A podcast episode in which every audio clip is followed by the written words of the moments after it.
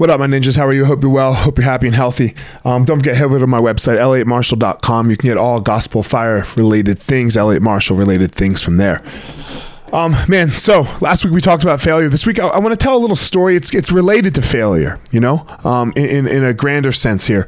So uh, I coach my my my youngest child's flag football team, and they there are are four very skilled athletes on the team one of them uh, my son included uh, and then you know then everyone else is rather average you know some some better some some some not and uh, let me let me first start by saying look I understand we got a, a catchy title going on here, you know, like the Are We All Equal?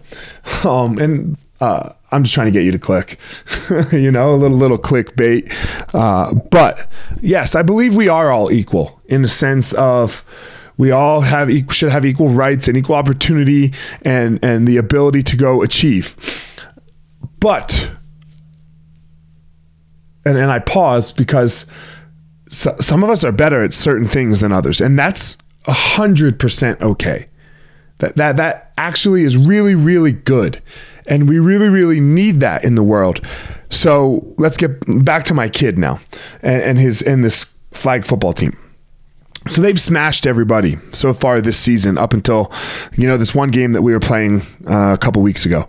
And like to the point where, you know, they, they have mercy rules, which I'm totally okay with. Like if you get up 35 points, they call the game and yada, yada. So we've tried not to get up 35 points. We've let the other team score a little bit. We stop scoring and things like that. I have a very competitive child. Uh, there's four other, four or five other kids who are also very competitive.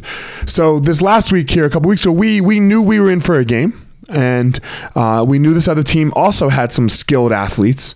So we got to play. We got to really find out what it was. Which which I'm great with. And I know they're eight years old in third grade and all this shit. Look, I don't give a fuck. When when it's time to win, it's time to win. And I think this is this is something uh, that we need to uh, we need to do. We need to win. We you need to learn how to win. You need to learn how to lose. The competition is very necessary. So I am uh, as most of you know who are listening to me, very, very happy with competition. So we're playing, and there comes a point in the game where we we have to make this decision. The other team is playing mostly their best three players. Like they had three very skilled players, and those three kids, two of them were always on the field. We had been playing equal playing time the whole game through. We needed to make some plays. So for four plays, we put the best kids in, and we went and won the game on those four plays. Now afterwards, some of the parents complained. And one of the parents said to said to us as the coaches, you know, no one is better than at this age.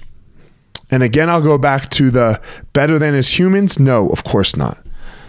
But better than as in football players, well, yeah, there are.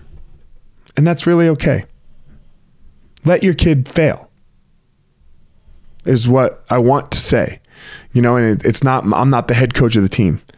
Let your kid be worse than, and then talk to them. My kid has been worse than. I have my, my, my very highly athletic kid has been worse than in the sense that he played when he was in first grade on a third grade team. That's a huge difference. He couldn't figure out who his man was to match up with in a basketball game. He couldn't figure it out. And he would go in the game, the coach would put him in the game, and then he would mess it up and then have a turnover, and then the coach would pull him, and then afterwards he'd be crying and very upset. Look, that's on my job as a goddamn parent to handle that. That's on my job as a parent to say to my child, hey, look, man, if you want to play in the game, this is how you have to play in the game. You have to know who your man is. You have to run down the court, play defense, and maybe the coach will give you some more playing time. And that's what we did. That's what we did as parents. I owned, we owned my wife and I, we owned our child's uh, lack of ability to play and then helped him learn how to play. So, as parents, please don't don't try to equalize out the the outcomes for your children because this is not an equalized outcomes world. We we don't the world doesn't work like that. We can try all we fucking want to to have outcomes equalized. If your kid is not good at sports, it is fine. Let them try, let them fail, and move on. But my kids, man, if you want to try to have my kids color in between a line, oh, oh, it's, it's not going to happen. They're, they're, they're not good at this. And that's okay. I'm not pushing them to art. I'm not saying that their painting should be hung in the school and, and on art projects. It's fine. My kids tend to be this athlete. You know, surprise, surprise, right? My wife was an athlete, I was an athlete. But go ahead. Go go ahead and let your kids just fall flat on their face. It has nothing to do with you. Nothing. Your job now is to see if you can lift them up. Find a way to lift the child up. Find a way to lift your child up. Find a way to keep presenting a, a, a skillful amount of failure to them in a way that they can then learn from it.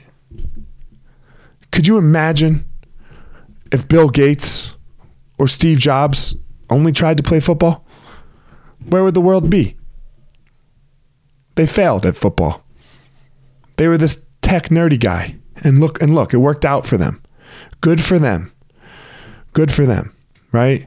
So go ahead, put your kids in it all. Let them figure it out. Let them try. And when then when they fail, be be there for them. And then go find their thing. Find their thing. That's what we need to be doing, not trying to equalize the, oh man, make sure my kid plays as much as your kid. It's just not how it works. World doesn't work like that.